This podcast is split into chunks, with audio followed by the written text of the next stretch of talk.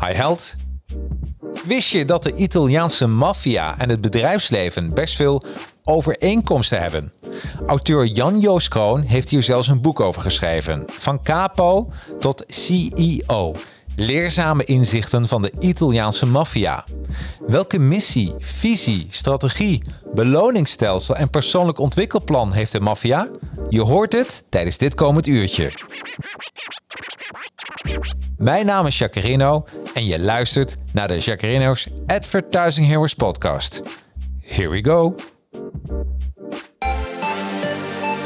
Yeah, the advertising heroes. Let's go.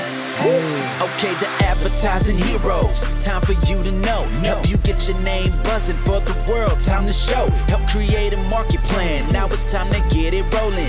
Even offering you live and online courses. Yeah, yeah. Time to strategize. If you ready, let's begin. For your Instagram, Facebook, LinkedIn. Five years experience, the minimum. So they can help you step it up. Time to represent. Okay, can this ish crash? Knowledge is power. Advertising heroes, yeah, you know that they got ya.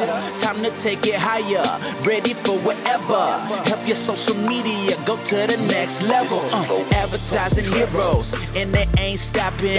This ish crash? Knowledge is power. Advertising heroes, time for you to show it. Help you represent your brand. Time to be heroic, yeah. Advertising heroes, let's go. Welkom, een dag na hemelvaart. Het is vandaag vrijdag 27 mei. Welkom bij de Jacarino's Advertising Heroes podcast. De top 10 podcast. We staan bijna wekelijks de laatste tijd in de top 10. Dank aan alle luisteraars die uh, ja, hierop afstemmen, die toch benieuwd zijn naar het ene boek. Is dat, wat, is dat boek wat voor mij? Uh, en hoe dan ook, ja, je leert er altijd weer wat van.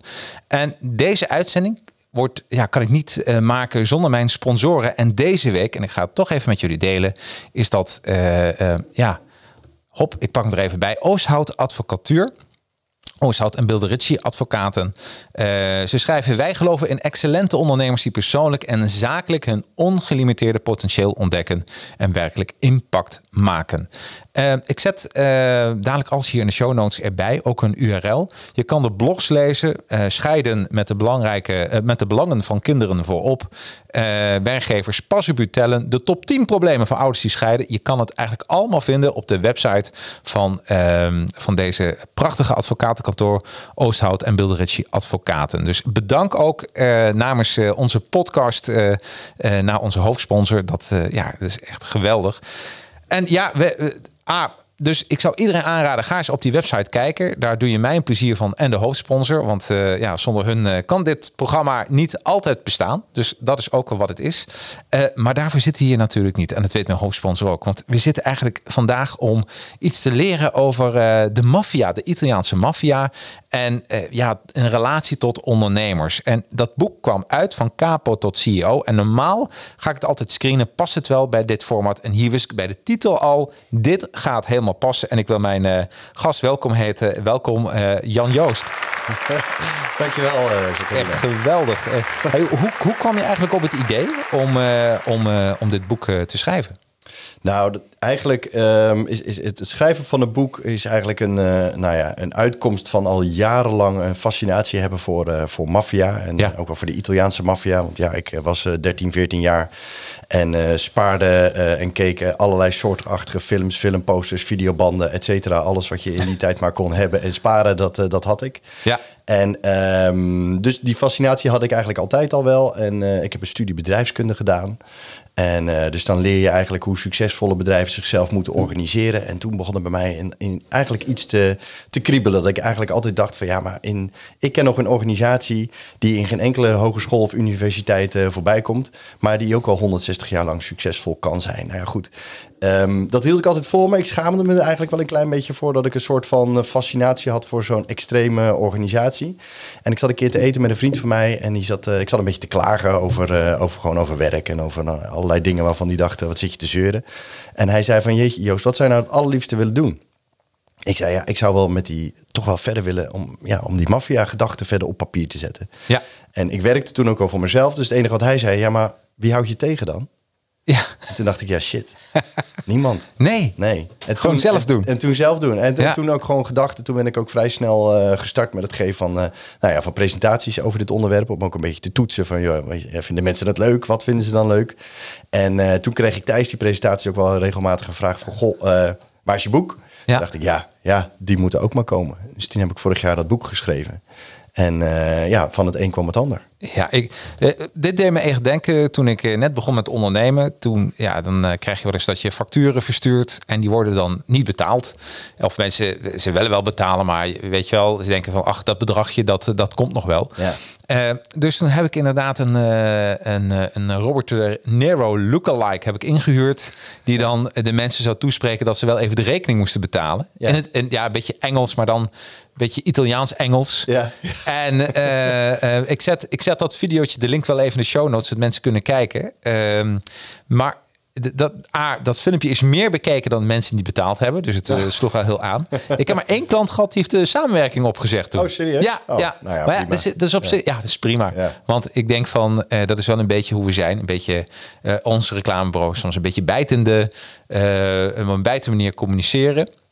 Doen we zelf, vinden we leuk. Hè? Dus een beetje kriebelen. Ja, een beetje kriebelen. Ja, dat, toch? dat hoort erbij. Maar betekent niet dat we het voor de klanten doen. Maar Nee. dus dat was ook de reden waarom jouw boek. Dat ik dacht, fantastisch. Want dit is eigenlijk hoe we ooit begonnen zijn. Een beetje met die beetje maffia knipoog. Want ik vind The Godfather ook een geweldig. Is die ook? Ja, ja, dus briljant. Ja, is dat trouwens je lievelingsfilm eh, of serie als het gaat om maffia? Nou, eh, nee, ik heb een, eh, een, dus een Italiaanse serie, die heet dan Corleone. Ja. Capo di Capi. en dat is een Italiaanse zesdelige serie die eigenlijk alleen nog maar te koop is op DVD. Dus je moet Oh, echt even, zoeken Ja. op, op allerlei kanalen om hem te vinden. Maar hij, is, hij wordt nog niet gestreamd.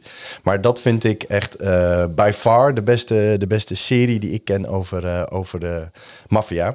Oh, wauw. Oh, die ga ik kijken. Ja, die moet je absoluut. eh, Ja. Dat is absoluut een aanrader. Het is dus helemaal niet zo mainstream. Maar het is wel een, eh, een serie die eh, heel veel waarheidsgetrouwe elementen in zich heeft. Andere films die ook heel goed zijn.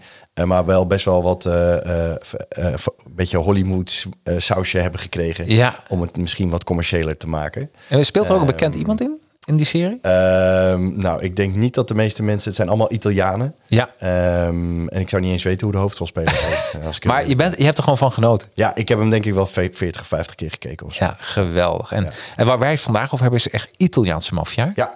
Ja. Want ik weet nog wel, eh, in de jaren eh 80, gaan we even heel ver terug. Wat, is jouw bouwjaar? 82. 82, ja. Ja. Dan heb je misschien nog gezien, dus het Wise Guy. Dat was een, eh, een serie en dan ging hij ook infiltreren bij de, eh, volgens mij de maffia van New Jersey, dacht ja. ik al. Ja, ja, dat kan. Ja, Die, maar die hebben allemaal natuurlijk connecties met de Italiaanse maffia. Ja. Maar het is geen Ja. Italiaanse maffia. Nee. Nee, ja, ik moet heel eerlijk zeggen, er zijn natuurlijk heel veel soorten maffia's. Hè? Dus eh die, eh, maffia is eigenlijk een, een verzamelwoord geworden. Net zoiets als TomTom en Luxeflex en eh, iPad. Weet je, dat Ja, zijn allemaal precies. dingen. Iedereen weet ongeveer wel wat het is, maar niemand weet precies wat het, eh, wat het inhoudt. Eh, en omdat er zoveel verschillende maffia's zijn, had ik wel zoiets van: ik moet me eigenlijk beperken tot een aantal verschillende stromingen, of Ja. verschillende be- bedrijfsvoeringen die er zijn, die ik gewoon heel goed ken. En ik heb me eigenlijk altijd net iets meer geïnteresseerd in de Italiaanse eh maffia-bedrijven, in tegenstelling tot bijvoorbeeld de Zuid-Amerikaanse, de Russische, de Chinese of de Amerikaanse. Ja. Hoewel bij die laatste natuurlijk heel veel link zit tussen de, de Italiaanse maffia en de Amerikaanse maffia. Want die werd eigenlijk met eh, begin, wat is het, 20e eeuw, dat al die Italianen richting Amerika gingen om Ja. hun geluk te vinden. Namen zij ook een, eh, een cultureel element wat maffia eh, met zich mee eh, die, die kant op. Dat deed me een beetje denken aan Godfather 2, is dat toch? Ja, Ja, ja dat, dat, eh, zie je dat- inderdaad dat, die, dat ze heen en weer gaan eh, van, eh, van die twee gebieden. Ja. Maar er zit gewoon heel veel historie. En ja, van, zo zeg maar, van, van, van, van perspectief vanuit wat is nou de meest aansprekende, vond ik dat wel de, de Italiaanse maffia. Een soort van de basis van alles wat mij betreft. Ja, van mij ja, het is eh, 100% En Ja. dit is misschien wel de eerste businesslering wat we kunnen hebben, want je hebt je wel gefocust. Ja, nee, absoluut. Hè? Ja, dat is toch nee. altijd fo. Dat is het moeilijkste, denk ik, van een ondernemer. Want Ja. Een ondernemer is die ziet heel veel kansen voorbij komen. Ja. Een Ja, ondernemer absoluut. ook. Maar dan zeggen van, nou nee, ja, want dan aarde was een heel dik boek geworden. Ja. Eh, en nu heb je gewoon echt lekker focus en dat je echt. En dat is echt. Is Italiaanse maffia ook een beetje de oer, de, de oervorm van maffia? Of kun je dat niet zo zeggen? Nou, ik denk niet dat je dat per se kunt zeggen. Nee? Eh, maffia is, eh, en dat is eh, jammer voor de Italianen, het is nou eenmaal een Italiaans woord. Hè? Dus wij hebben Ja. heel snel de associatie tussen georganiseerde misdaad en Italië. Ja. Terwijl georganiseerde misdaad, dat is er natuurlijk al honderden, honderden jaren. Dus dat is niet per se iets van eh, 160 jaar terug. Nee. Dus het, het vervelende voor de Italianen is dat wij hebben gekozen als internationale gemeenschap om als een groep mensen georganiseerd misdaden plegen. En dat doen ze over een wat langere periode. Ja. Eh, dat we het dan ineens maffia gaan noemen. Oh, op zo'n manier. Dus ja. ja, ja, het is eigenlijk eh, heel treurig voor, eh, voor de Italianen vinden het ook verschrikkelijk. Ik zeg wel eens, het is het slechtste export, exportproduct voor de Italianen. Ja. Want die hebben het lu- natuurlijk liever over pizza en over voetbal en over eh, Da Vinci en zo. Ehm, maar liever niet over de maffia. Nee, nee, nee. Hey, we, gaan, eh, we zijn al een beetje aan het inrollen, natuurlijk in de boekreview. Want eh, ja, Boekreview. Boekreview van capo tot CEO. Leerzame inzichten van de Italiaanse maffia. Jan-Joost Kroon. Jan-Joost staat tegenover mij. En ehm, ja, als, je, als we even kijken naar wat voor boek is het. Ehm, ah, ik, eh, lekker handzaam. Vind ik altijd vijf. Een soort A5-modelletje is het? Ja, klopt, ja. hè? Ja. A5. Ja. Eh, 191 pagina's, zes hoofdstukken. En je hebt zelfs een Spotify-playlist gemaakt van Ja. capo tot CEO. Ja. Dus dan kun je een beetje tijdens het lezen, voor het lezen, na het lezen, kun je, ja, kun je een beetje in de sfeer komen, dat was wel het idee. Ja. Wat is jouw favoriete nummer wat, wat op die eh, lijst staat? Eh, nou, dat is het, het eerste nummer op de, op de playlist. En Ja. dat is eh, eh, de trompetversie van The Godfather. Oh ja, geweldig. Ja, die vind ik, daar krijg ik nog steeds kippenvel van. Ik heb hem ook al eh, zo vaak gehoord. Maar dat, is, dat was voor mij dus ook het idee eh, om dat wel op nummer 1 te zetten. Dat is voor mij eh, ja, het meest, meest aansprekende nummer. En ook voor heel veel mensen herkenbaar. Ja, nou, ik ga 19 augustus trouwen. Meen je niet? Ja. Kijk, ja, ik ga. En ik zit nog steeds te denken, wat voor nummer wil ik dan? eh, we zijn, eh, mijn vriendin en ik zijn samen nu aan het kijken, wel, wat voor nummer gaan we dan draaien als we dan binnenkomen in dat kleine kerkje? We hebben echt zo'n maffia-kerkje ook. Oh, nou, daar ben ik toch wel nieuwsgierig. En toen dacht ik van, dit is ook een hele leuke, die, eh, die trompet ja, inderdaad. schitterend. Ja, toch? En, stel dat je die... Hè, het allermooiste is nog, ik weet Ja? niet of je dat geregeld krijgt, Ja. maar dat iemand het speelt. Live. Ja, oh, dat is- fantastisch. ja, dat ik heb dan- het één keer ergens live gezien. Ja? Nou, tranen stonden echt in mijn ogen. Ja, hè? Zo mooi vond ik het. Oh, wauw. Dus nou, als Ja. mensen dit horen en je kan trompet spelen, eh, stuur me even een, een appje via LinkedIn. Ik wil, eh, Doen. dat zou echt superleuk zijn, Ja, toch? ja, geweldig. Ik zou het doen. Ja, ehm, ja, als we dan even kijken over het boek zelf. ehm Mafia. Eh, wij schrijven het in Nederland met twee F'en. Ja. En waarom doen we dat? En in de buitenland één F? Nou, ik heb dat wel geprobeerd te achterhalen. Waarom dat wij, even voor de, voor de mensen... Het is, wij zijn het enige land ter wereld wat maffia met twee F's schrijft. Terwijl de rest van de wereld het gewoon met één eh, doet. Eh, ik heb begrepen dat we dat in Nederland hebben gedaan... omwille van de uitspraak. Dus dat we het beter zouden kunnen uitspreken... anders zou het maffia worden. Of, eh, terwijl... en dat is gewoon iets wat ik alleen maar online kon vinden. is geen bevestiging eh, dat het ook daadwerkelijk eh, echt zo is.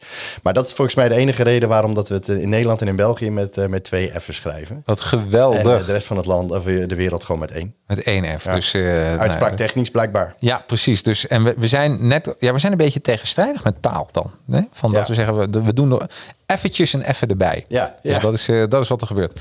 Ehm, je hebt een hele leuke begrippenlijst gemaakt. Ik, ik hou je boek er een beetje bij als een handleiding. Want ik heb Oh, dat is natuurlijk gelezen, Ja, nee, altijd. ja, dat, dat is mijn, mijn belofte altijd. Alhoewel ik moet zeggen, volgende week wordt een stuk moeilijk. Heb ik een boek van 900 pagina's. Nou, ja, dus dat is eh, ja, ja, al een lange tijd begonnen, maar nog steeds is het heel veel. Ja, Hè. Dus misschien maak ik er wel een serie van. Maar dat moet ik even met de auteur overleggen. precies. Want eh, ik, kan, ik kan ook niet 900 pagina's behandelen in één uur, ben ik achtergekomen. Nee, nee, hopelijk die 191 van mij, dat moet lukken. denk Ja, ik, ja, dat was, nee, was ja, heerlijk. ja. Dat was heerlijk. En ook nog een mooi onderwerp. Eh, je hebt een hele leuke begrippenlijst staan op eh, pagina 13. Eh, en daar heb je bijvoorbeeld de anti-maffia staan, Camorra, Capo, Cosa Nostra. Als je even kijkt naar die begrippenlijst. heb je boek trouwens bij of niet? Ja, die heb ik wel. Oh, nou, nee, nee. Nee, maar ik, ik, weet jij zo een paar, maar die weet je misschien wel uit je hoofd. Wat is voor jou de top drie begrippen waarvan je zegt, nou, die moet je wel een beetje weten? Ehm, even denken hoor, de top drie, dat is wel een mooie. Eh, nou, sowieso moet je natuurlijk wel weten wat een capo is. Hè. Sommige mensen, die, eh, daar kom ik dus ook al voor achter. Voor mij is dat Ja. zo logisch dat je Ja. weet wat het is. Maar een capo is zeg maar de, de, de, de leidinggevende binnen, binnen een organisatie. Ik noem hem vaak ook wel de manager. Ja, de manager. En, en de manager die, eh, die, die, die, nou, de organisatie probeert aan te sturen. Ja. En in, in het boek komen verschillende bedrijfsvoeringen voorbij. En die hebben allemaal weer een andere titel voor zeg maar nog iemand die daar boven, boven zit. Hè. Dus de capo di tutti capi bijvoorbeeld. Bijvoorbeeld. Hè, dat is de baas der bazen. Ja. Eh, dat is dan bijvoorbeeld weer de CEO van de Cosa Nostra. En dat is dan weer de Siciliaanse maffia bijvoorbeeld. Ah, Eh, ik weet niet of die in de begrippenlijst staat, maar ik denk het wel. Ja. Is affiliati. Ja, die staat Eh, erin. Affiliati, dat, Ja. is, eh, dat is ook een... eh, want de maffia voert natuurlijk niet een hele duidelijke ledenadministratie of medewerkersadministratie. Nee. Maar er zijn schattingen van hoeveel mensen dat daar echt onderdeel van zijn. Maar je hebt daar ook nog zeg maar, een soort van flexibele schil omheen. Oh. Zoals ik dat noem. En dat zijn dan de affiliati. En de affiliati zijn eigenlijk de mensen die wel met de organisatie meewerken. Dus af en toe wat hand- en spandiensten verlenen. Ja. Maar geen onderdeel zijn zeg maar, echt van die wereld. Want het is nog wel wat om zeg maar, echt onderdeel te mogen worden van zo'n organisatie. Eh, dat doe je niet met een sollicitatiebriefje en met twee gesprekken. Eh, daar gaat echt wel even wat tijd overheen voordat je dat eh, voor elkaar hebt. Ja. En, maar die affiliati, dat, dat zijn er best wel heel erg veel. Dat zijn er echt tienduizenden. Ja. Maar dat geeft ook meteen even aan hoe verweven die organisatie ook eigenlijk in de samenleving zit. Ja. Omdat er dus blijkbaar wel heel veel mensen stiekem op een of andere manier toch ook wel eh, ehm, een bijdrage leveren aan, eh, aan de bedrijfsvoering. Ja. Dus die affiliatie, die vind ik ook altijd wel heel erg belangrijk om toe Ja. te lichten. Daarnaast staan er denk ik wat begrippen in ehm, die, die wat meer voor zichzelf spreken op het moment dat je zeg maar echt aan het lezen bent van de Cosa Nostra. Ik zit even te denken. ja, en, en even kijken, ja, de Cosa Nostra. En welke ik, eh, Camorra, Ja, een, een verzamelnaam van de georganiseerde misdaad in eh Campa Campanië. Campanië. Ja, Campanië. Waar, en dit is ook, Camorra is die serie Ja. En op Netflix, Ja, toch? dat is, toch... eh, Gomorra. Ja, dat is net even anders Oh, net geschreven, anders. Maar dat, is, is dat dat gaat over hetzelfde, hetzelfde gebied. Ja. Eh, dus dat is eh, ehm, het gebied van Campanië, de provincie Campanië met Napels eh, als hoofdstad. En Ja. eh, ook wel bekend, eh, Napels heeft een, een heel eh, berucht verleden als het gaat, eh, verleden, maar dat is nog steeds actueel met betrekking tot, eh, tot maffia. Ja. En eh, daar is inderdaad op Netflix een, eh, een geweldige serie over. Ik moet wel even zeggen dat seizoen 1 en 2 zijn best wel eh, op waarheid eh, berust. Ja. Eh, seizoen 3, 4 en 5. eh, die worden lekker uitgemolken omdat de serie zo goed kijkt. Ja. Maar wel degelijk zie je daarin wel de bruutheid van, van dat soort organisaties voorbij komen. Ik, ik heb gehoord van mijn, waar ik sport hierachter, eh zijn, zijn vrouw is Italiaans. Mhm. En ze gaan heel vaak naar die plaats toe, want daar woont ook haar familie. Oké. Maar heel veel eh, mensen die eh, letterlijk ook in die organisatie zitten, die zijn ook acteurs in die serie. Ja, er zijn er wel een paar inderdaad Ja, die, eh, die inderdaad ook een crimineel verleden hebben. En Ja. ook wel van beticht worden dat ze inderdaad eh, onderdeel zijn geweest van, eh, van een clan. Dus dat is natuurlijk te bizar voor woorden. Maar dat, dat moet ik heel eerlijk zeggen, dat gebeurt wel vaker hoor. In, in films. Bijvoorbeeld, ik weet niet of je de, de serie Narcos of zo ook Ja, gekeken. tuurlijk. Ja, geweldige serie. ja, en, en dat soort series, daar zitten ook best wel wat boeven in die in real life ook boeven zijn. Ah, dat is echt, ja. En daardoor kunnen ze het ook zo goed spelen. Ik, maar misschien, eh, ik vraag me af of ze bij de casting wel helemaal goed hebben gecheckt hoor. Dus, eh, Ze denken, hij doet dus- dat zo goed. Ja, dus Hoe is het mogelijk? Ja, die moeten we hebben. Ja, hij doet het in het echte leven misschien ook nog wel. Ja, ja, dus ook da- daarvan genieten. Dus vanavond gewoon lekker Netflix kijken, uh, Ja. Gamora. En, eh, en wat jij zegt, seizoen 1 en 2 zijn helemaal top. Ja, die vind ik echt, eh echt Ja, ik ben nu goed. la- Ja. bezig met het laatste seizoen.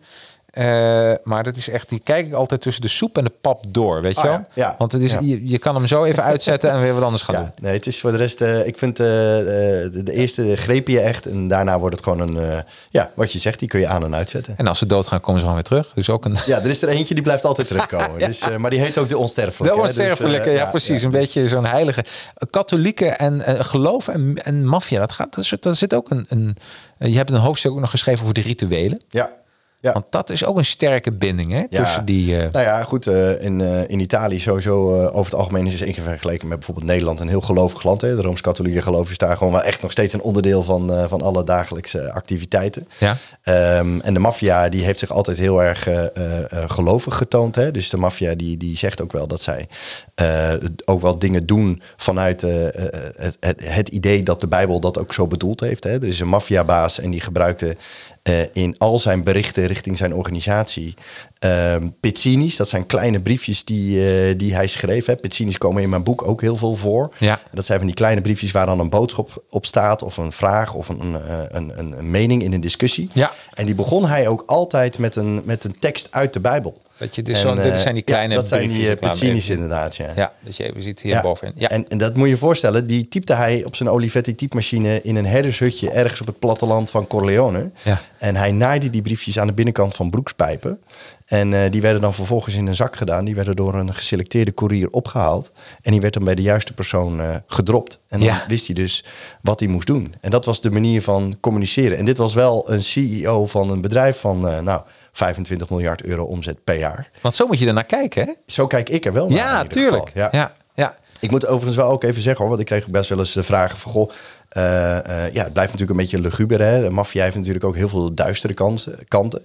En dat is ook wel iets waar ik ook pertinent natuurlijk afstand van neem. Hè? Dus ik Tuurlijk. kijk altijd wel, ik zeg altijd tegen de mensen, je moet vanuit mijn perspectief kijken naar de, eh, naar de, naar de maffia. Eh, en je moet daarbij de, de criminele elementen van die organisatie moet je wel bevriezen. Want anders is het natuurlijk een verschrikkelijke organisatie. Maar op het moment dat je dat doet en puur kijkt naar die, naar die bedrijfsvoering en naar samenwerking, communicatie, leiderschap. Ja, en gewoon puur daarnaar kijkt, dan denk ik dat heel veel mensen daar nog wel iets van kunnen leren. Dus dat is wel een belangrijk wel punt grappig. wat ik eh, Ja. altijd. En als ik dat niet vroeg genoeg maak. eh, in presentaties of wat dan ook, dan gaan mensen toch wel eens vragen stellen over mijn ethisch kompas. Ja. En daar, dat zijn echt de dingen waar ik als het minst op zit te wachten. Eh, dus, Ja. eh, dus dat vind ik wel even belangrijk om dat Nee, even dus een zeggen. de disclaimer is gemaakt. Ja. Dus eh, nee, helemaal mee eens. Maar ik, ik kan me ook voorstellen, het is een hele leuke manier om ook even een, voor jezelf een idee te krijgen hoe een organisatie werkt. Ja. En, en, en dat eigenlijk een criminele organisatie, dat is trouwens ook dadelijk een goede vraag, criminele organisatie, nou, dat die ook een structuur heeft. Wat is het verschil tussen een maffia en een, een criminele organisatie? Nou, eh, de, kijk, de maffia, dat is, eh, daar heb je bij wijze van spreken een, een best wel een lange historie voor nodig. Mocht, eh, voordat je jezelf echt een maffia mag noemen. Hè. Dus dan Ja. moet je echt 30, 40 jaar al als organisatie daadwerkelijk bestaan. Eh, er moet sprake zijn van een bepaalde rituelen, hiërarchie, afspraken, regels. Dus het is eigenlijk een, echt wel een, een organisatie die over een langere periode ook daadwerkelijk al bestaat. Ja. Ehm, en dus georganiseerde misdaad. Ja, dat kunnen bij wijze van spreken ook lokale bendes zijn die twee, drie jaar ergens aan de top staan en vervolgens allemaal of doodgeschoten zijn of eh, opgepakt zijn. Eh maffia is wel echt iets waarvan je moet zeggen, ja, dat heeft een, ehm, nou ja, een, een duurzamer karakter qua bestaansrecht in elk geval. Dus Ja. dat maakt het verschil tussen maffia en georganiseerde misdaad. Ik wil je met jou even naar, een, eh, naar het jaar. Naar het jaar Ja, 1861, 17 maart. kijk. Waarom is dat zo'n belangrijke datum? Eh, nou, dat is denk ik eh, exact de datum dat de Republiek Italië, of het Koninkrijk Ja. uiteenspat en de Republiek Italië ontstaat. Ja. Ehm, daarvoor best- bestond Italië uit, uit allerlei losse koninkrijkjes, eh, waarbij eh, de macht en het geld vooral heel erg in het eh, noorden van Italië ook daadwerkelijk aanwezig was. Hè. Dat is in principe nog steeds zo. hè. In steden zoals, nou ja, Rome is natuurlijk de macht. Maar Turijn en Milaan zijn natuurlijk hele bekende industriële steden. Ehm, maar toen de tijd zijn die twee, ehm, eh, of zijn al die losse koninkrijkjes versplinterd. of die zijn samengevoegd in twee gebieden, het noorden en het zuiden. Althans, eh, dat voelt voor de Italianen nog steeds zo. Het is, Ja. Italië is natuurlijk inmiddels één land. Maar voor de Italianen zelf eh, is er een heel duidelijk onderscheid tussen Noord-Italië en Zuid-Italië. Waarbij eh, het, het zuiden zich altijd een beetje neergezet voelt als nou ja, tweede rangs Italiaan.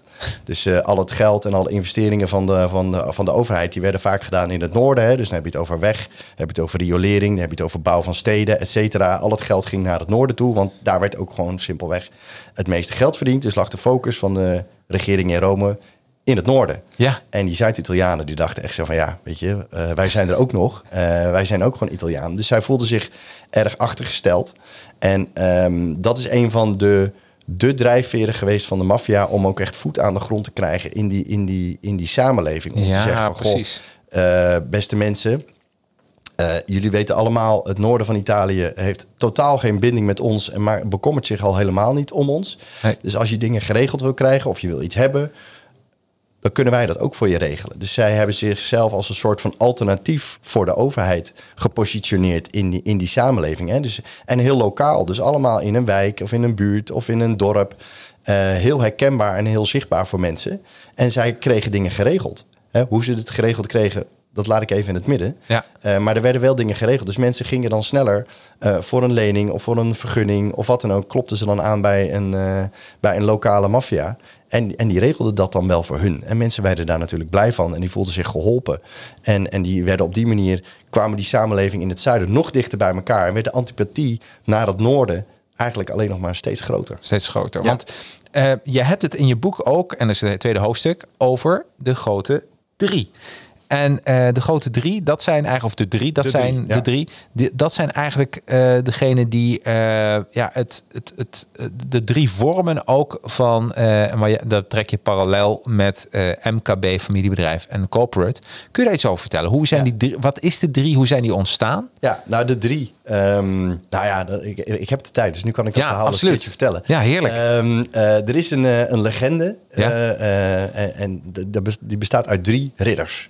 De drie ridders die moesten vluchten uit Spanje omdat ze daar een, eh, een, eh, een misdaad hadden gepleegd. En die Ja. drie ridders heten Osso, Matrosso en Carcagnosso. Dat waren, zo gaat de legende. Ja. En die hebben met elkaar zijn die gevlucht en die hebben een, een jaar of, eh, ik geloof 27 of zo bij elkaar gezeten.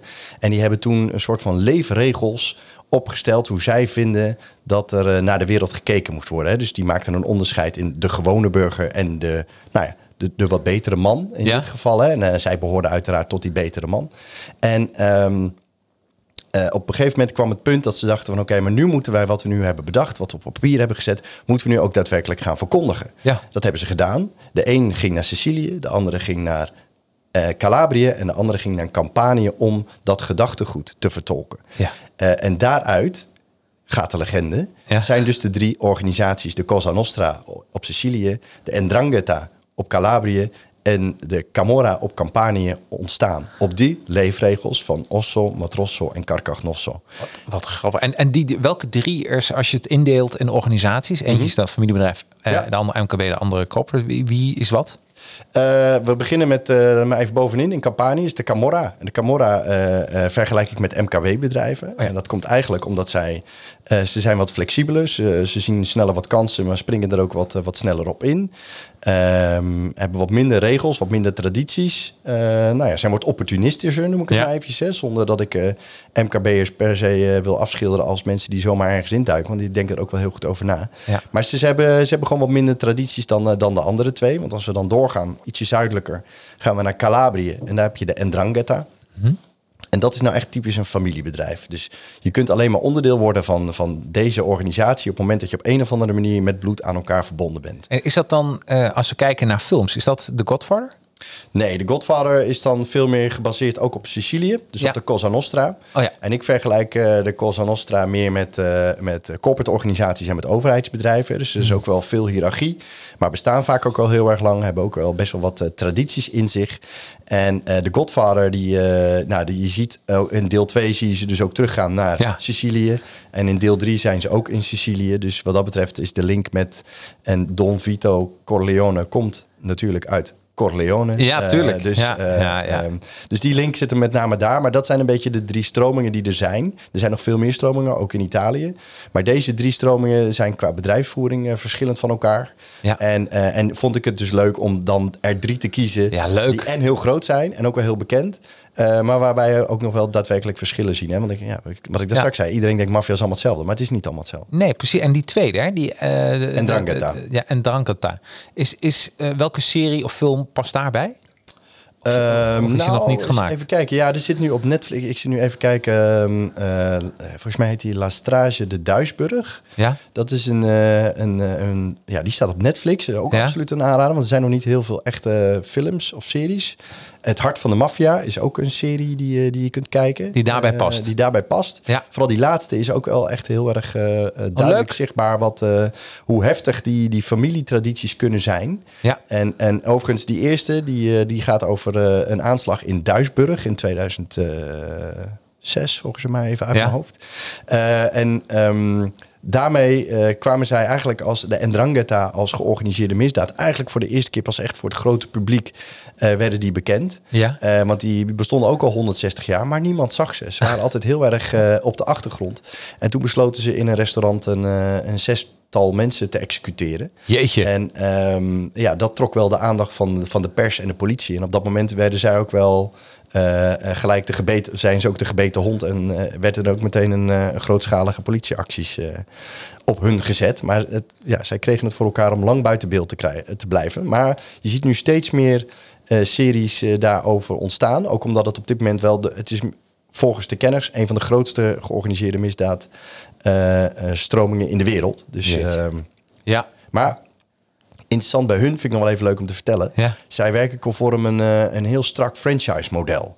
Dus zij hebben, eh, zij hebben eh, in, in, in eh, Calabria hebben zij hun, hun hoofdvestiging zitten, zeg maar. En Ja. allemaal dorpjes daaromheen waarin ze ook al groot gegroeid zijn. En zij werken met een bepaalde structuur. Ze kopiëren die, die knippen en plakken die structuur gewoon net zoals andere franchisebedrijven natuurlijk over heel de wereld. Ja. Maar zij doen dat gewoon zo strak conform de regels die zij al van kinds af aan geleerd hebben. Eh, dus zij weten heel goed wat er wel mag, wat er niet mag, wanneer ze even naar huis moeten bellen, wanneer ze even toestemming moeten Wat vragen. goed.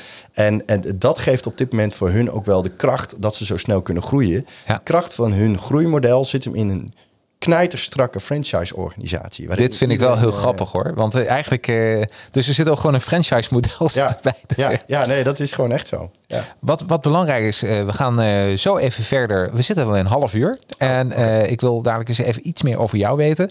We gaan dadelijk even verder met de organisatie van de strategische kader daarvan. Hoe, hoe ziet de strategie en kernwaarden en leiderschap en eh, ehm, de organisatie en de operationele kaders gaan we bespreken. Ja. Dus kijken tot hoe ver we trouwens komen. Ja, want eh, precies. ik denk dat we wel een paar uur kunnen vullen met, eh, met, met, ja, met dit onderwerp. Met- Maar ehm, wat ik ook even benieuwd naar ben, is, eh, want jij bent natuurlijk mijn gast van de week.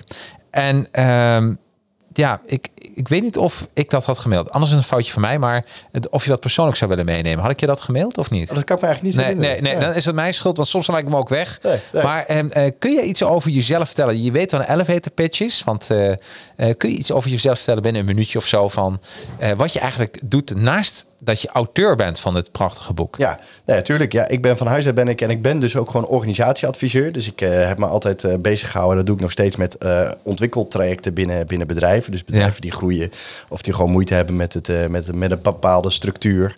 eh, of het inbrengen van duidelijke taken, verantwoordelijkheden, bevoegdheden. Daar, daar, daar help ik ze vooral heel Ja. erg mee. Dat vind ik ook wel heel erg leuk om, eh, om te doen.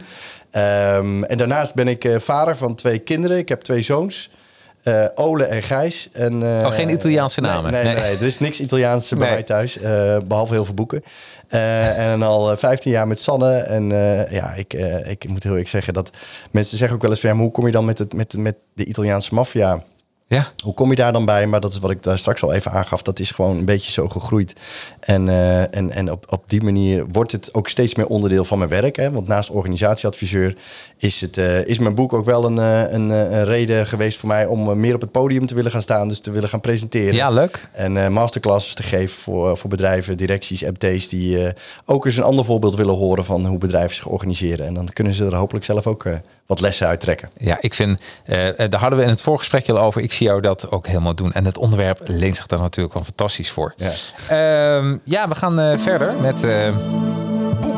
We- met de boekreview van capo tot CEO. Leerzame inzichten van de Italiaanse maffia. We gaan nu eens even induiken in, ehm, in eh, het bedrijfsleven. En die koppelingen maken met, met de maffia. Ehm, kijken we eens even naar de organisatie. De strategische kaders. Eh, een, een bedrijf, en ik pak even je boek erbij. Die heeft natuurlijk een missie. Dus trouwens, heb jij ook een missie als bedrijf of als... Nee. Nee?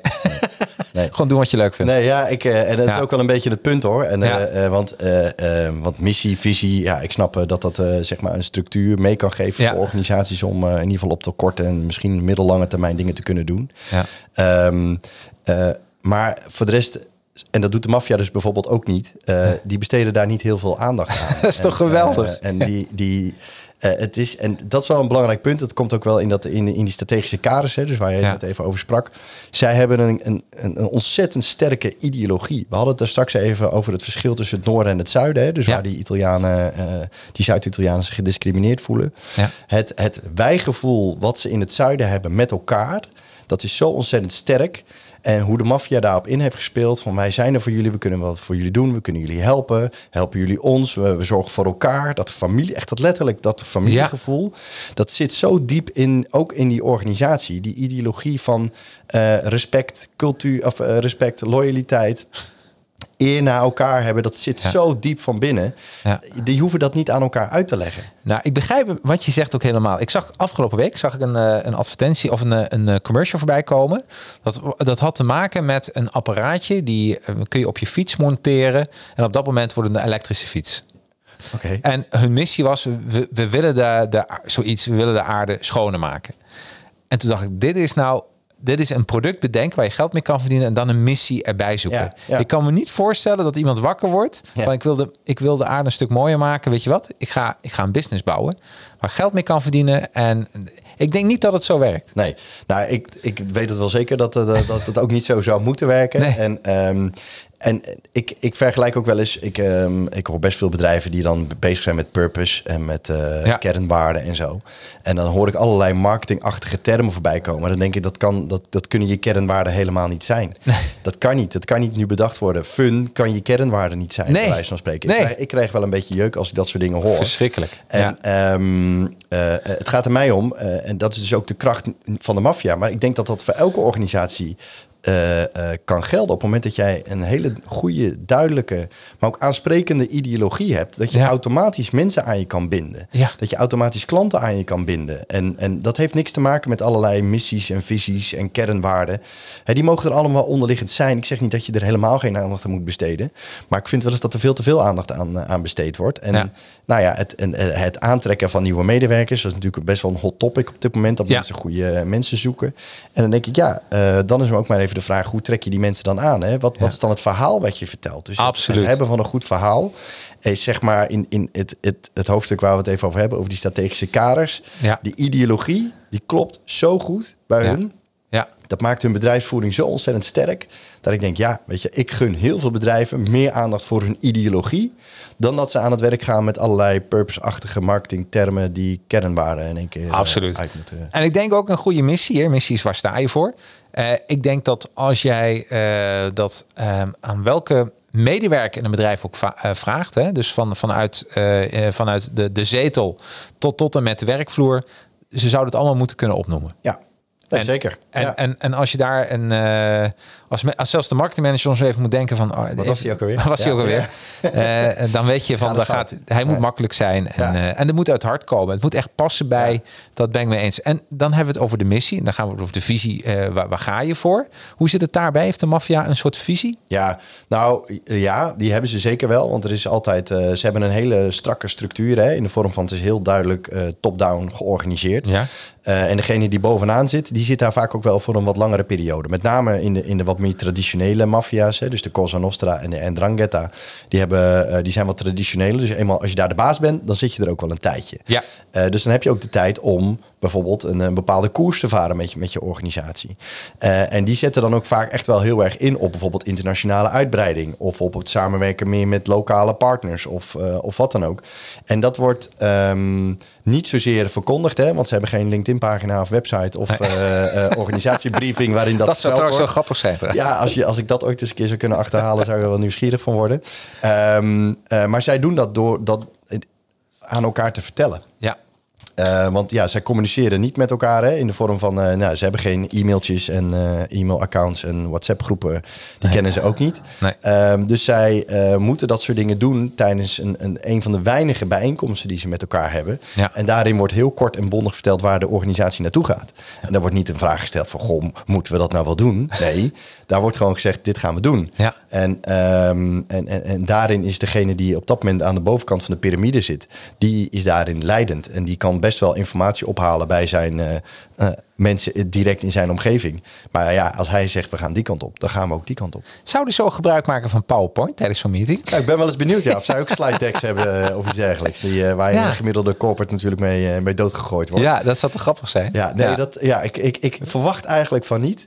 Eh, nee, ik, ik weet wel dat ze één keer per jaar de Ndrangheta, de top van de Ndrangheta, dus de Calabrese maffia, die komt één keer per jaar bij elkaar. Ongeveer ook ongeveer op, dezelfde, op hetzelfde moment, dus een soort heilige datum ergens in september. Eh, vaak ook nog op een, op een plek waar mensen best wel kunnen weten dat ze daar bij elkaar komen. Ja. Dus er is een aantal uur bij elkaar. En dan moet je zo zien, dat zijn dus echt alle topmanagers uit de organisatie. Dus die komen over heel de wereld, komen ze dan even bij elkaar. En daar wordt dan even de bedrijfsvoering besproken. Daar worden disputen worden daar besproken. Ja. Eh, daar zit niet echt een CEO, maar er zit meer een soort van voorzitter van de vergadering bij. Die leidt het gesprek. Eh, en die mag op het moment dat er een, eh, een probleem is, die doet dan een uitspraak als er een probleem is. Het wordt ook daar besproken, het wordt ook daar beslecht. En iedereen moet zich dan ook neerleggen bij die, eh, bij die uitkomst. Dus nog even drie jaar of drie dagen gaan nazeuren of dat je het eigenlijk niet mee eens bent. Ja, je hebt gewoon pech. Ja. Gewoon, dit gaan we gewoon zo doen. En Ja. ehm, Ik zeg ook wel eens tegen bedrijven, jongens, ga nou niet knippen en plakken hoe de maffia het doet op je eigen organisatie. Nee. Maar soms eh, iets, iets concreter zijn in het oplossen van een probleem en zorgen dat nou, dat mensen ook in de pas blijven lopen. Ja. De- dat dat best wel werkzaam kan zijn. In plaats van dat je daarna allemaal nog oeverloos gezeur krijgt over dat mensen het eigenlijk er toch niet mee eens zijn. Wat, wat kun je eigenlijk leren van eh maffia en een strategie? Dus dan heb je een bedrijf, hè, die heeft een strategie. Dat is een beetje lange termijn planning. Ja. Wa- wa- hoe pakt de maffia dat aan? Nou ja, eh, die hebben natuurlijk dus ook wel die lange termijn planning. Hè? Want Ja. zo'n CEO die heeft ook wel het idee van we gaan op lange termijn dingen doen. Eh, maar ze zijn vooral heel erg eh, slim, simpel en doelmatig noem ik het altijd maar. hè. Dus ze zijn gewoon heel kort en krachtig van ja, wij gaan, wij worden of we zijn of we blijven de nummer één in deze markt. Of we gaan in de komende vijf jaar worden wij de koningen van, van het dark web. Ik noem Ja, maar even. precies. Of we gaan ons de helft van ons vermogen investeren in, eh, in vastgoed of Ja. in de cryptomarkt of, of wat dan ook. En eh, kijk, het, het voordeel van dat soort organisaties is dat geld is bijna nooit een probleem. Hè. Dus ze hebben, een, eh, ze hebben geen budgetten. Ehm, zij kunnen maximaal investeren op het moment dat ze eh, een kans voorbij zien komen. En zij zijn heel erg bezig met, eh, met innovatie en met doorontwikkeling. Ook gewoon om te kijken van, ja, hoe kunnen wij nog meer omzetten? Hoe kunnen we nog beter eh, onze positie behouden? Want dat is voor hun heel erg belangrijk. Eh, eh, niet alleen zeg maar, de eer van de Italiaan zelf, maar de eer van de organisatie. Ja, die is net zo belangrijk. En Ja. eh, als je nu staan die Italiaanse eh, organisaties vaak aan de top van de criminele wereld, eh, top 10, noem ik het maar Ja, ja, ja. Ja, dan willen ze wel blijven. Ja. En dan moeten ze ook gewoon door. Het is gewoon, dat is ook gewoon een knijterharde wereld. Ja. Dus zij moeten ook doorgaan. En, en ja, die strategie die zit er maar vaak gewoon in, in dat soort hele simpele dingen. We gaan, eh, we gaan ons op de komende periode alleen maar daarop focussen. En alles wordt dan ook in werking gesteld om dat ook te doen. Dus over focus gesproken, hè, waar we het in Ja. het begin even over hadden. Ja, dat hebben zij ook heel sterk. Ja, want, want nou, dat kan me voorstellen. Want focus is ook, ehm, eh, waar ga je naartoe natuurlijk? Ook een stukje innovatie, wat, wat bij jou ook terugkomt in jouw boek. Ja. Wat is een stukje innovatie wat je ziet, nou, wat de maffia heeft gedaan? Nou, ik, ehm, behalve als je dan zeg maar wat zij eh, jaren le- geleden, ehm, nou in Nederland kwam natuurlijk bijvoorbeeld dark web ook bijvoorbeeld Ja. op. Hè? Dat is voor de mensen die dat niet weten, maar dat is een stukje van het internet waar een normaal mens eigenlijk niet wil komen, waar je allerlei verschrikkelijke dingen kunt kopen, van wapens tot eh, cocaïne en, Ja. eh, en allerlei soorten andere eh, verschrikkelijke dingen. Maar zij zagen dat wel als een soort van marktplaats om hun handel zeg maar, te verbreden. Ja. En in één keer voor iedereen heel erg beschikbaar te, te maken. Dus ze hebben daar ontzettend veel geld in geïnvesteerd. Ja. Maar ook als je het hebt over ehm, logistieke uitdagingen die ze hebben om producten van A naar B te krijgen. ehm, waarbij de overheid natuurlijk ook probeert om zoveel mogelijk tegengas te bieden, is het ook aan die georganiseerde misdaad om er elke keer maar weer omheen te gaan organiseren en Ja. te doen en te denken, oké, we doen het nu zo, maar dat werkt over twee jaar niet meer. Dus we moeten wat andere dingen gaan bedenken. Ja. En, en ja, goed, eh, de, de, de haven van Rotterdam is natuurlijk een voorbeeld waarbij eh, heel veel gesproken wordt dat daar heel veel eh, criminele business binnenkomt.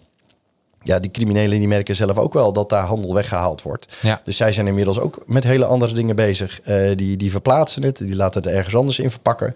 Eh, ja, ze zijn, eh, ik weet niet, we hadden het net even over Narcos. Hè? Ik Ja. vind het in die serie Narcos zie je op een gegeven moment dat ze in, in de binnenkant van een, eh, eh, van een bumper, dat ze die eh, van een auto, dat ze, daar, zit, daar zat in die auto's helemaal niks. Dus die stopten ze helemaal vol met, met, met, met, met handel. Ja. Om dat zo op die manier over de grens te krijgen. Ja, tuurlijk, En in ja. Nederland, heel bekend voorbeeld, de bloemenveiling in Aalsmeer. Ja.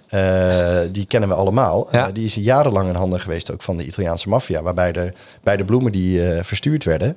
eh, ook nog wat eh, in die kratten die de vrachtwagens ingingen, zeg maar, naar Verwegistan. Oh. Daar, daar werden ook nog wel wat cocaïne en, en dergelijke mee in vervoerd. Ach, dat doet me een beetje denken aan, ik ben even de naam kwijt, die Nederlandse serie die ook over de maffia ging. Dat was de eerste aflevering, daar, dat speelde zich ook in, eh, in, in die bloemen dingen af.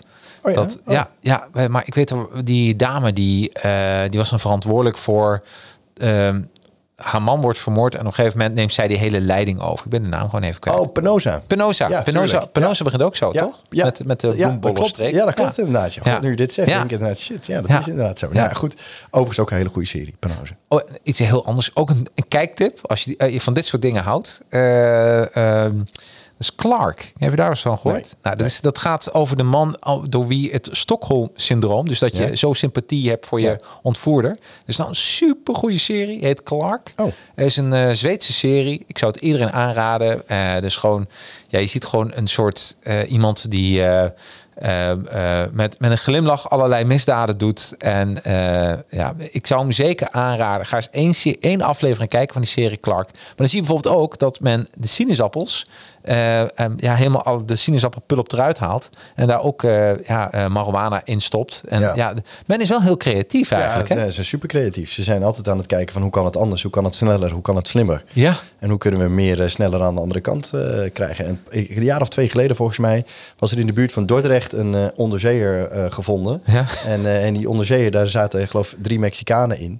en die waren daar hun drugslab aan het, die waren daar drugs aan het fabriceren. Oh, echt waar. Die zijn anders een Breaking Bad. Die hadden een camper, maar hun hebben dan een, ja, eh, een, een onderzeeër. een onderzeeër. ja, kost natuurlijk heel veel geld. Maar ja, die kun je wel verplaatsen. En, eh, wat en- slim eigenlijk, hè? Dat is bizar. Ja. En, Ja. eh, ja, goed, en als je dan cash hebt om dat soort dingen te ontwikkelen. Ja, ja, maar goed, nee. het zal ongetwijfeld ook iets opleveren. Ja, nee, maar daarom en, en, en waar, waar zij, zij spelen zich altijd lekker eh, in op, eh, op de markt. Ja. Sebastiaan zegt eh, Queen of the South is ook goed in het genre. Heb ik nog niet gezien, Nee, maar ik weet niet. mijn, eh, mijn zus of een vriendin van mij die heeft het wel gezien en die, die spreekt ook eh, fantastisch over. En Queen of the South, ook die Spotify album, heb ik wel al een paar keer geluisterd. Dat is ook een, eh, nou, dan een moet je de fantastische soundtrack. Ja, ik, eh, hij staat wel op mijn lijstje inderdaad. Ik heb toevallig iemand eh, direct in mijn omgeving, die heeft hem gezien. Die heeft al zeven, acht keer tegen mij gezegd... Joost, ga hem nou eens kijken. Ja, precies. Ja, dus een goede tip, eh, Sebastiaan. Ja. We, gaan hem, eh, we gaan hem zeker checken. Dankjewel. Ja. Ehm, even kijken. Kijken we eens even naar eh, de organisatie in de eh, strategische kaders verder. Eh, leiderschap. En daar heb je een voorbeeld van Bernardo Prove- Provenzano. Zeg ja. het goed? Ja, zeg je goed. Ja. Het fantoom van Corleone wordt hij ook wel genoemd. Ja. Dus, eh, het spook van Corleone, omdat hij 43 jaar voortvluchtig eh, bleef. Hij is die man die die Pezzini's eh, schreef, waar ik het zojuist over Oh, had. die kleine briefjes. Ja, die kleine briefjes die hij op zijn Olivetti typemachine aan het tikken was. Ja. Eh, Provenzano is ehm, misschien voor mij ook wel eh, ehm, de, de link geweest naar de bedrijfskunde. Ik las in eh, 2008 een, eh, biografie over hem. Ja. En hij, daarin las ik dus dat hij als ongeschoold mannetje eh, op zijn achtjarige leeftijd eh, moest gaan werken. Omdat er anders niet eh, gegeten kon worden thuis. Eh, woonde in Corleone, eh, groeide daar op met een aantal eh, hele bekende andere mafiosi. Ja. En groeide op van een, ja, een, een, een simpele struikrover, noem ik het maar eventjes, tot, tot CEO van, van die Cosa Nostra. En hij deed dat eh, ehm, heel bedachtzaam, heel rustig. Eh, had in, in het begin van zijn carrière een, eh, een reputatie ja, van medogeloos, en een, eh, een, eh, maar ook wel een politicus. Dus hij Ja. wist heel veel eh, contacten te leggen met bijvoorbeeld eh, mensen die in Palermo eh, binnen de gemeenteraad zaten en, en dat soort figuren. Ze had een heel goed gevoel voor eh, wat leeft er in de samenleving en hoe moeten we daarop op inspelen. En had aan de andere kant ook wel gewoon de medogeloosheid om, om, om verschrikkelijke opdrachten natuurlijk te geven. Maar hij wist wel eh, in de jaren negentig. ehm, eh, ik weet niet of je eh, eind jaren 80 had je de Maxi Processo in, eh, op Sicilië. Dat, waren, was een grote maffia-tribunaal tegen de Cosa Nostra. Eh, en zijn grootste rivaal, Totò Riina, die, of zijn, zijn compaan moet ik eigenlijk zeggen, die werd, Ja. eh, die werd eh, aan de hand daarvan werd hij ook gearresteerd. Eh, maar toen was eh, de Cosa Nostra in oorlog met de overheid. Dus je moet ook echt zien dat het letterlijk en figuurlijk gewoon soldaten op Sicilië waren om, om de boel daar in toom eh, te houden. Ja. Eh, dus die hadden heel veel problemen met elkaar. En Provenzano die werd de opvolger daarvan na een aantal jaar. Hij moest even wat concurrenten uit de weg werken eh, om vervolgens op die hoogste positie te komen. En die heeft er toen voor gekozen om weer helemaal terug te gaan naar de rust en op de achtergrond. En hij heeft toen ook wel eens gezegd, dat, dat is gebleken uit verslagen van Pentiti. hè. Dus dat zijn mensen die gaan praten met, eh, met politie en justitie. Dat hij heeft gezegd, wij hebben twintig jaar nodig om te komen waar we waren. Ja, en ja. toen dacht ik, ja, weet je, want deze, deze boer, want dat is het van Ja. oorsprong, zonder opleiding, die is niet gek. Nee. En eh, die heeft echt wel, en die is gewoon heel bewust bezig gegaan om weg te gaan van die terreurstrategie waar zijn voorganger heel erg van was. Ja. En steeds meer weer naar die achtergrond eh, te gaan, weer nieuwe allianties te maken. En ja, dat vind ik wel eh, ehm, heel knap. Ja. En in die briefjes, hè, in die petzinis, had hij ongeveer acht, negen regels waarin hij een boodschap vertelde tegen iemand. Ja. Dus die boodschap die moest wel heel kort, bondig en direct zijn. Een beetje de offline Twitter. ja. nou ja, eigenlijk is het, kijk, ik, ik vind het verschrikkelijk eh, binnen bedrijven als ik 25 mailtjes op een dag Ja. krijg, waar ik 23 keer in de CC sta. Ja. Waarvan ik denk, ja, wat moet ik hier nou in godsnaam? Daar moeten mensen ook mee ophouden met Ja. cc's. Ja. Dat is, eh, dat wou ik bijna. Dit is eh, een cc. Weet je wat ik zo'n nadeel van een cc vind? dan eh, krijg je een mailtje en, dan, en na de hand wordt jouw vraag gesteld van, ja, maar je hebt dat ook ontvangen. Ja, maar een cc is niet, ja, ik mag meelezen, maar eh, inderdaad, wees gewoon lekker, niets is zo moeilijk om kort en bondig te zijn. Ja. En, eh, en als er duizenden vragen in de mail zitten, is ook moeilijk. Dus ik, Ja. ben helemaal, ik sluit me er helemaal bij aan. Ja, dus die Pizzini's zijn voor mij Ja. zeg maar het alternatief van, hè, van de mail, waar er geen mail op terugkomt. Het, Nee. is gewoon, het is gewoon communicatie één kant op. En je moet het maar begrijpen. Dus die boodschap moet zo goed zijn Ja. en zo duidelijk zijn. Want ja, even vragen kan niet. Hij heeft geen mailadres, bernardo.provenzano.it. Weet je, Nee. die heeft hij niet. Dus ja, dus hij moet gewoon... eh, dus, dus, en dat vind ik van hem wel een kracht. Hij wist dus blijkbaar die organisatie de andere kant weer op te krijgen. Te bewegen, nieuwe allianties te maken. eh, en die bedrijfsvoering weer op orde te krijgen. En ze zijn bij lange na nog niet waar ze waren. eh, maar ze zijn wel weer verder op de achtergrond. Ja, oh wat goed. Ja, nou weet je, dus dit zijn dingen dat ik denk van wauw, dit is, eh, ja.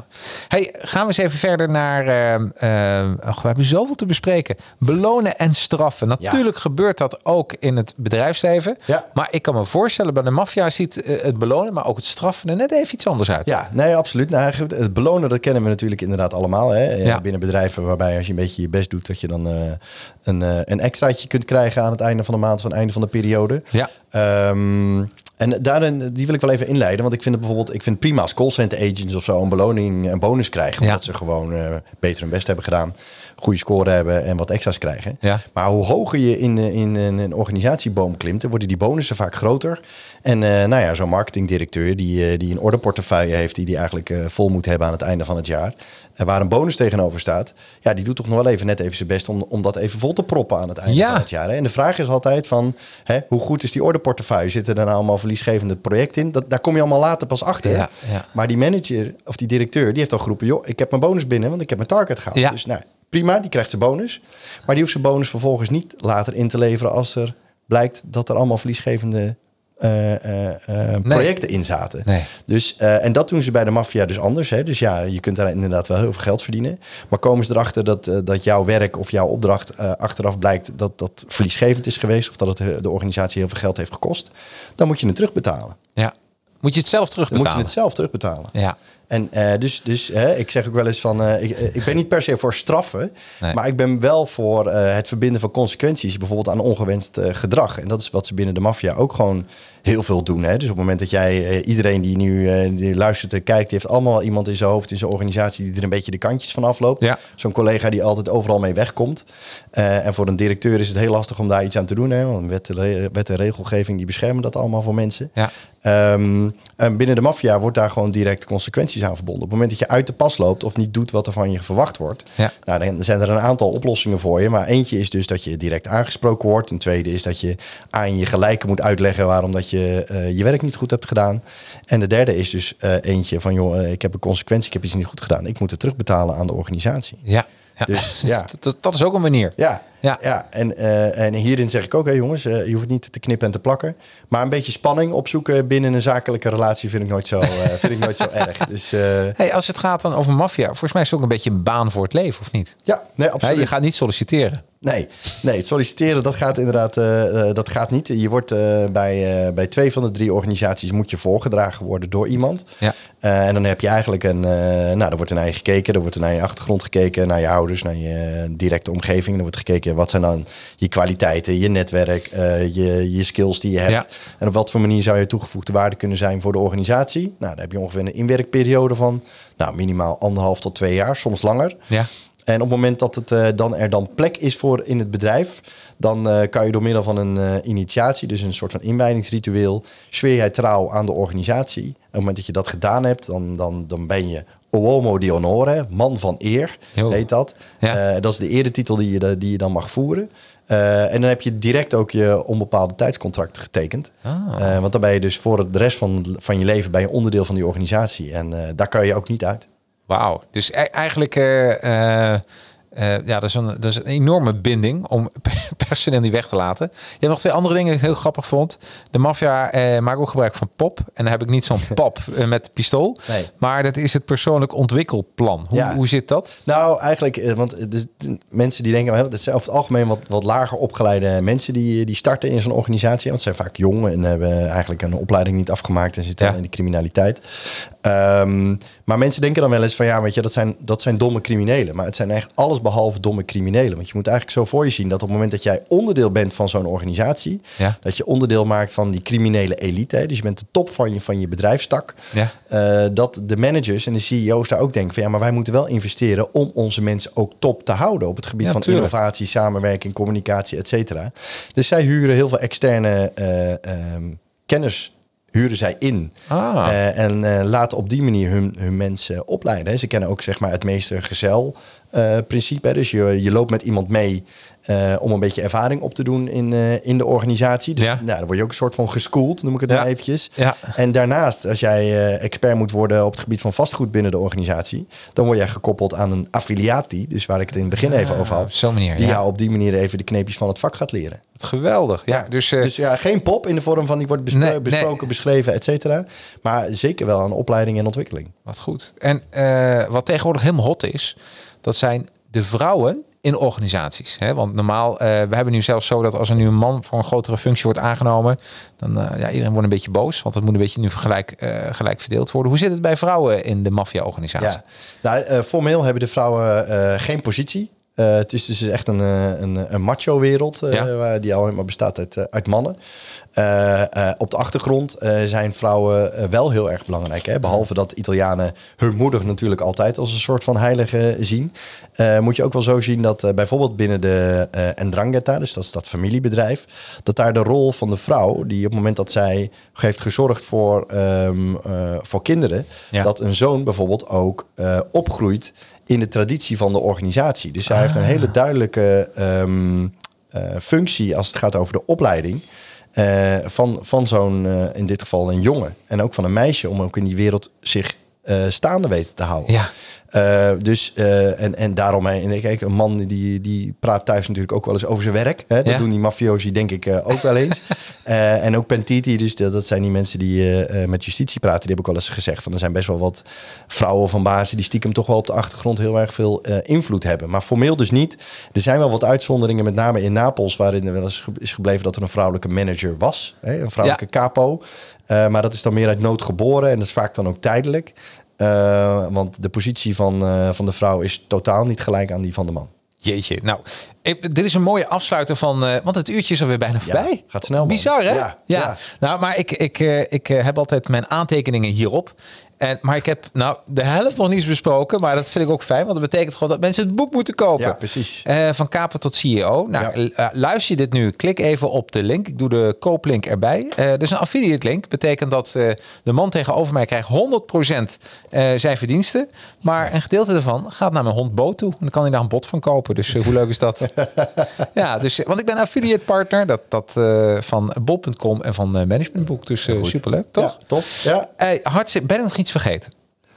Uh, nee, nee. Ja. Uh, ik, we hebben nog genoeg te vertellen, denk ik. Maar uh, voor nu hartstikke leuk. Ja, ik vond ja. het een super interessant verhaal. En nogmaals, mensen moeten het boek kopen. Ik heb er ontzettend van genoten. Want ik vind, laten we meer mensen dit soort boeken schrijven. Ik ben dol op films. En ik ben ook dol op ja, wat, wat een beetje buiten het bedrijfsleven valt. Want daardoor ja. kun je ook sneller een connectie maken. Dus complimenten. Ja, het echt, top. echt goed, goed uit. Leuk. Um, ja, en, en misschien, je had de vorige podcast ook gehoord, hè? Van, ja. uh, oh, we krijgen nog een uh, Sebastian nou bedankt. Zeer leerzaam. Dus uh, bedankt Sebastian. Ook voor het luisteren en voor het kijken. Um, ja, ik ben iets nieuws begonnen. en dat is mijn community. En wat is dat? je betaalt... ik kan meteen zeggen wat je betaalt. Dat is altijd goed. En wat krijg je ervoor? Je betaalt 200 euro per jaar. Het gaat me niet om die 200. Maar ik, ik ben met iets bezig wat vrij... Ik denk toch wel baanbrekend is. dat is de community. En wat is een community? Ik laat het meteen even zien. Hop, dan zie je het mooi in beeld. Volgens mij zie je het nu. Ja, je ziet hem nu. Um, dat is eigenlijk een, een, een start met Kijk, kan ik er zo bij? Ja. Een start met eh, dat mensen kunnen praten over online marketing. Je kan vragen stellen, eh, de communityleden of ik geef antwoord op. En wat ik gewoon is, eh, wil, is een eerlijke manier dat mensen, als ze een vraag hebben van, goh, hoe moet ik dit aanpakken? Hoe maak ik promotie voor mijn bedrijf? Hoe werkt het dan met de cookies? Wanneer gaat er iets gebeuren? Help, help. Dus, en daar, vanochtend heb ik mijn allereerste meet and greet gehad met de allereerste leden. Dus dat is superleuk. En je krijgt meteen al mijn trainingen erbij, omdat ik ben gestopt met het verkopen van trainingen, maar ik ga door met het maken van heel veel trainingen. Nou, dat, dat klinkt een beetje eh, contradictie, maar ik heb geen zin meer om te verkopen deze zaken. Ik wil mensen gewoon helpen. Ik dacht van, ik laat ze gewoon lid worden van de community. We gaan gewoon lekker een eerlijke platform bouwen. En als jij eh, eh, ook wat vertelt in jouw expertise, dus je denkt van, goh, ik, dit is mijn expertise en ik kan hierop reageren. Je kan ook een hele mooie profiel aanmaken. Laat ik even zien. Oh, ik ga me even inloggen. Zoals je ziet, dat gaat allemaal vrij snel. Dan eh, heb je eigen profiel en kunnen mensen wat meer over jou lezen. En als je dan heel vaak leuke antwoorden geeft, dan worden mensen toch wel heel benieuwd van wie, wie is die persoon. En zo probeer ik eigenlijk online mensen te connecten met elkaar. En je krijgt een dosis aan kennis mee. Want als, als je dan wat wil weten over podcasten, over eh, het eh, adverteren op social media, social selling, hoe werkt dat? Ik wil een verkoopwebinar maken al die trainingen krijg je erbij. Want ik denk van, ja, weet je, ik wil gewoon, ik wil gewoon met Advertising gewoon heldhaftig kennis delen. Dus geen verkoopding. Eh, dit is gewoon een mooi platform. Denk je van, ik vind het leuk. Ik wil eh, hier graag aan, eh, aan deelnemen. Laat ik dat ook even zien. Ga dan even naar academy.nl. academy.nl. En de scherm laat ik ook meteen eventjes zien. Op, dat is deze. Ah, academy.nl. Ik zet het ook wel even in de show notes. Ja, dan weet je het meteen. En, eh, en dan kun je lid worden. Klik je even hierop en je kan zelfs kiezen. Als je denkt van ik wil lid worden van die community, krijg je die trainingen erbij. Maar nogmaals, daar gaat het niet zozeer om. Ik vind meer dat ik een platform wil maken. eh, en mijn doelstelling is dat eerste jaar duizend leden erbij.